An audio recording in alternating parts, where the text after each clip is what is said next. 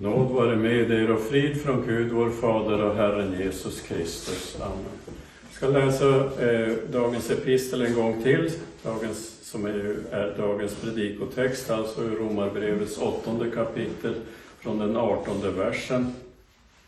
Paulus skriver så här. Jag menar att den här tidens lidanden inte kan jämföras med den härlighet som ska uppenbaras och bli vår. Själva skapelsen väntar och längtar efter att Guds barn ska uppenbaras. Skapelsen har ju blivit lagd under förgängelsen, inte av egen vilja, utan genom honom som lade den därunder. Ändå finns det hopp om att även skapelsen ska befrias från sitt slaveri under förgängelsen och nå fram till Guds barns härliga frihet. Vi vet att hela skapelsen gemensamt fortfarande suckar och våndas. Och inte bara den, utan också vi som har fått Anden som förstlingsfrukt suckar inom oss och väntar på barnaskapet, vår kropps förlossning. Amen. Herre, helga oss i sanningen, ditt ord är sanning. Amen. Ja, dagens text lär oss om den härlighet som ska uppenbaras och bli vår. Och när Gud förhärligar eh, sina barn, alla troende, så ska det också få positiva konsekvenser för hela skapelsen.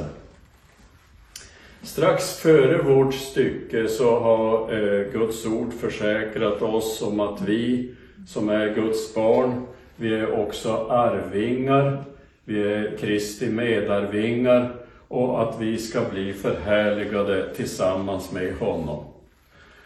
Och det löftet, det ger oss hopp. Det ger oss hopp om vår framtid. Det är en framtid som är vår. Det är en framtid tillsammans med Kristus. Vi väntar. Ja, hela skapelsen väntar. Men väntans tid beskrivs inte som en behaglig tillvaro, utan väntans tid innebär både möda och smärta och lidande. Och att Guds barn får lida i en syndfull värld, det är lika säkert som att vi ska bli förhärligade med Kristus. Så Paulus han skriver så här strax före vårt stycke är vi barn så är vi också arvingar, Guds arvingar och Kristi medarvingar, lika visst som vi lider med honom för att också förhärligas med honom. Så, så det ena som det andra, det är vårt tillsammans med Kristus. Lidandet och härligheten. Men Gud har lovat att den här tidens lidanden kommer att förblekna. Den här tidens lidanden väger lätt i jämförelse med den härlighet som ska uppenbaras och bli vår. Så Paulus skriver, och, då är vi i början på vårt stycke då. Jag menar att den här tidens lidanden inte kan jämföras med den härlighet som ska uppenbaras och bli vår. Och Paulus han använde ett bildligt uttrycks, uttryckssätt när han säger att skapelsen väntar. Det är ju liksom om skapelsen är en person som väntar. Men det är ett bildligt uttryckssätt när han skriver ty skapelsen väntar ivrigt på att Guds barn ska uppenbaras. Och att hela skapelsen skulle vänta, eller att ska, hela skapelsen suckar och våndas, som han sen skriver, det är bildliga uttryckssätt. Paulus han beskriver inte hur skapelsen suckar och våndas. Han beskriver inte hur skapelsen gör när den väntar. Han förklarar inte hur vi kan veta att det är så. Han förklarar ju inte ens vilka vi är. Utan han skriver bara, vi vet att hela skapelsen gemensamt fortfarande suckar och våndas. Men vi förstår i alla fall när vi hör det här, när vi läser det här, att om hela skapelsen, hela universum väntar på en sak, på, på någon, en sak som ska bli vår, ja då är det ju någonting oerhört stort och härligt som väntar oss. Här i världen så är det ju inte uppenbart vilka som är Guds barn, utan det, det är som Paulus skriver att en dag ska Guds barn uppenbaras och det, det är det skapelsen väntar på, den dagen då Guds barn ska uppenbaras. Vi ska hålla alla som bekänner Kristus som sin frälsare, vi ska hålla dem för Guds barn, för troende. Men eh, vi vet ju inte vilka som har den frälsande tron i hjärtat. Det är bara Gud som känner det sina. Men en dag ska det bli uppenbart för alla vilka som har den frälsande tron i hjärtat, vilka som är Guds barn.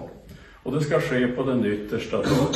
Då ska alla Guds barn förhärligas tillsammans med Kristus. Och när Guds barn förhärligas, då betyder det också att skapelsen ska befrias från sitt slaveri under förgängelsen och nå fram till Guds barns härliga frihet. Så det finns hopp för, vår, för hela skapelsen. Det finns hopp för vår vacklande jord som vi hör förstörs mer och mer, år efter år, så vacklar den mer och mer. Men som sagt, vi vet inte hur skapelsen gör när den väntar. Vi vet inte vad det innebär att skapelsen suckar och våndas. Men av första delen av första Mosebok så, så kan vi ändå ana och förstå vad det innebär när Paulus skriver att skapelsen har blivit lagd under förgängelsen. Inte av egen vilja, utan genom honom som lade den där under. Skapelsen har blivit lagd under förgängelsen. När Gud skapat, eh, när skapelsen stod färdig på sjätte dagen, så fick den betydligt mycket gott. Gud såg att det var mycket gott. Men Adams syndafall fick konsekvenser också för hela skapelsen. Så själva marken blev förbannad för hans skull. Så efter syndafallet så var inte allting mycket gott längre. Istället för ett paradis att leva i, de blev ju utkörda därifrån, eh, istället för paradisets överflöd så får vi veta att nu skulle marken bära törne och tistel åt honom. Han skulle arbeta med möda. Smärtan kom in i världen, ja också döden. Så för syndens skull skulle Adam dö och vända åter till den jord som han blev tagen ifrån. Så döden kom in i världen på grund av synden. Och hela skapelsen blev lagd under förgängelsen. Inte av egen vilja, utan det var Guds vilja. Och ända sedan den dagen så har det gått ut för, för skapelsen. Det har gått ut för, för allt levande. Så jorden vittnar om att olika slags växter, olika djur som en gång levt här inte finns längre. De har dött ut. Och jorden bär spår av en stor katastrof genom vatten som förstörde mycket av det som fanns där tidigare. Det som var mycket gott. I, I vår del av världen, vår västerländska del, i, i vårt samhälle, så har evolutionsteorin fått eh, stor påverkan på människors föreställningar. Och enligt den teorin så har katastrofer avlöst varandra under årmiljonernas gång. Och de här katastroferna har eh, utplånat en stor del av vad som då levde. Men eh, sen, efter katastrofen, så har livet på något sätt startat upp igen och nya livsformer har utvecklats. Så att man räknar med att det hela tiden utvecklas nya växter, arter, nya arter av djur. Och därför sörjer man inte så mycket när man ser de här spåren av det som har dött ut. Ja, man konstaterar hur det en gång var. Eh, man kan säga att evolutionsteorin går ju ut på att slösa med liv, inte att ta vara på och vårda det som finns, utan slösa med liv och när ett liv försvinner så skapar det bara utrymme för att nya och bättre livsformer kan utvecklas. Men det finns inte ett enda bevis på att det har tillkommit någon ny växt, någon ny djurart som inte har funnits tidigare. Däremot finns det många bevis på förgängelsen. Det finns många bevis på att det levt djur tidigare som inte le längre lever nu. Det har funnits växter tidigare som, är, som, som inte längre finns. Det har funnits växter och djur på platser där det är omöjligt för dem att leva idag. Man hittar fossil, man hittar också inskrifter, man hittar beskrivningar i antika böcker, man hittar avbildningar av djur och växter som är utdöda. Och det här, vad visar det? Visar det att jorden har vunnit något? Nej, att det har skett en förlust av olika livsformer och den förlusten fortsätter än idag. Allt liv blir utarmat. Djur och växter fortsätter att dö ut, idag kanske i snabbare takt än någon gång tidigare. Och de som lever kvar, de blir mindre, de är svagare, Eh, de är mycket mindre än de vi ser som fossil. Och de är sjukligare. Och jag tror att det är det som hör till att jorden suckar och våndas under förgängelsen. Men det finns hopp för skapelsen. Så Paulus ger oss en glimt om framtiden när han skriver Ändå finns det hopp om att även skapelsen ska befrias från sitt slaveri under förgängelsen och nå fram till Guds barns härliga frihet. Går vi till Andra Petribrevs tredje kapitel, då eh, kan vi läsa att Petrus skriver Nya himlar och en ny jord där rättfärdighet bor väntar vi på efter Guds löfte. Och när vi läser sammanhanget där i Andra Petrus tredje kapitel så får vi intrycket av att universum så som vi känner det idag, eh, alla himlakroppar och jorden och allt som finns på jorden ska förintas, ska, ska brännas upp, eh, förintas i hetta och så att säga inte längre finnas till. Och att Gud ska skapa nya himlar och en ny jord ur intet. Men av Romarbrevet så får vi ett delvis annat intryck. Det är att den nuvarande skapelsen ska befrias under sitt slaveri, under förgängelsen. Och, och det kan man uppfatta så att den, den ska återvinnas på ett sätt. Den ska förnyas. Men båda ställena innebär för oss att vi inte ska föreställa oss det eviga livet i himlen, det eviga livet tillsammans med Kristus, som en alltför andlig tillvaro, så att, vi, så att säga en, en okroppslig tillvaro. För kom ihåg, vi bekänner tron på kroppens uppståndelse. Och efter Guds löfte väntar vi på nya himlar och en ny jord där rättfärdighet bor. Men paradiset, det är för alltid på den här sidan graven. Det är borta. Eh, det finns inget paradisliknande väntrum för oss här på jorden där vi kan tillbringa tiden i väntan på att Guds barn ska uppenbaras, i väntan på vår kropps förlossning. Utan den tid vi väntar innebär Precis som det har varit för Adam och genom hela historien ända från syndafallets dag. Det innebär på ett eller annat sätt möda, smärta, lidande. Så har det varit genom historien.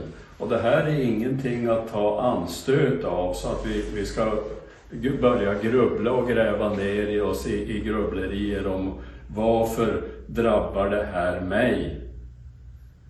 Vi vet att det tillhör vår väntans tid. Smärta, möda, lidande. Så Paulus använder, som, som vi har sagt, ett bildligt uttryckssätt när, den, när han skriver att hela skapelsen väntar, suckar och våndas, för att sen fortsätta och så skriva så här, och inte bara den, utan också vi som har fått Anden som förstlingsfrukt, också vi suckar inom oss och väntar på barnaskapet, vår kropps förlossning.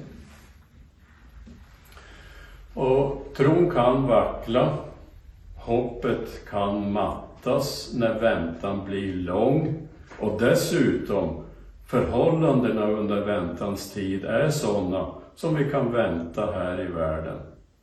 Alltså möda, smärta och lidande. Och för att vi ska få en stark tro och för att vi ska behålla ett levande hopp så påminner Paulus oss om att vi har fått Anden som förstlingsfrukt. Och, och då, då, måste vi, för att förstå vad det innebär, då måste vi tillbaka i Gamla Testamentet. Förstlingsfrukten, det var ju det första av skörden som jordbrukaren bar fram till Gud av tack, som tack för Guds stora gåvor. Och han gjorde det med tacksamt hjärta. Han såg det inte som någon förlust att bära fram det första av skörden till Gud. Inte alls, för han visste att så mycket mer ska följa. Och det är det som ligger i själva begreppet förstlingsfrukt. Så mycket mer ska följa. Och det är samma sak när Paulus säger att Kristus är förstlingen av det insomnade Kristus uppstod på tredje dagen och gick ut ur sin grav. Men han ska inte vara ensammen i sin härlighet, utan så mycket mer ska följa alla troende. Och det är den dagen vi väntar på, uppståndelsens dag, vi väntar på vår kropps förlossning. Och Paulus påminner oss om att vi har fått Anden som förstlingsfrukt. Återigen samma tanke. Så mycket mer ska följa. Vi har fått Anden som förstlingsfrukt, som bekräftelse på så mycket mer. Och det är en bekräftelse på att Gud ska ge oss allt det andra han har lovat. Kroppens förlossning och härligheten med Kristus. Och, och vi kan vara vissa om att vi har fått Anden. Eh, det är nådemedlen som ger oss den vissheten. Anden ges genom dopet. Och det är i kraft av den helige Ande som vi tror och bekänner att Jesus Kristus är vår frälsare. För ingen kan bekänna att Jesus är Herren annat än i kraft av den helige Ande. Så Anden själv vittnar med vår ande att vi är Guds barn. Men det ska följa så mycket mer. På den yttersta dagen ska han uppväcka mig och alla troende och ge mig och alla som tror på Kristus ett evigt liv. Som vi lär oss i Luthers lilla katekes, förklaringen till tredje trosartikeln. Så det är ett härligt stycke som vi läser här i Romarbrevet och, och, och går vi vidare i Romarbrevet så har ju Romarbrevets åttonde kapitel en alldeles fantastiskt fantastisk avslutning. Där radar Paulus bara upp en, en härlig kedja med händelser som gör varje troende viss om att vi ska bli förhärligade med Kristus. Eh, så där, där, där eh, bekräftar och försäkrar Gud oss om härligheten med Kristus för alla som tror. Dem han har förutbestämt har han också kallat, Och, då, det, det griper ju tillbaka ända till begynnelsen. Den, den han har kallat har han också, den, den han har förutbestämt har han också kallat. Och dem han har kallat har han också förklarat rättfärdiga. Och de han har förklarat rättfärdiga har han också förhärligat. Så vår nådige Gud har ordnat allt som hör till vår frälsning, från början till slut, ja, från världens begynnelse till änden. Vår frälsning ligger tryggt i Guds hand och Paulus skriver att det kan varken nöd eller ångest, förföljelse eller hunger, nakenhet, fara eller svärd ändra på. Och så fortsätter han. Vi kan vara vissa om att varken död eller liv, varken änglar eller förstar, varken något som nu är eller något som ska komma, varken makter, höjd eller djup eller något annat skapat ska kunna skilja oss från Guds kärlek i Kristus Jesus vår Herre. Amen. Låt oss så be. Vi tackar dig, käre Herre Jesus, att du har sänt oss din helige Ande att kalla oss genom evangelium och ge oss tron på dig. Gör oss uthålliga i väntan på att alla löften ska gå i uppfyllelse. Ja, vi väntar dig från himlen som för vår frälsare. Du ska förvandla vår bräckliga kropp så att den blir lika dig i din härlighet. För du har makt att lägga allt under dig. Dig tillhör all ära. Amen. Så ska vi efter predikan sjunga i häftet som ni har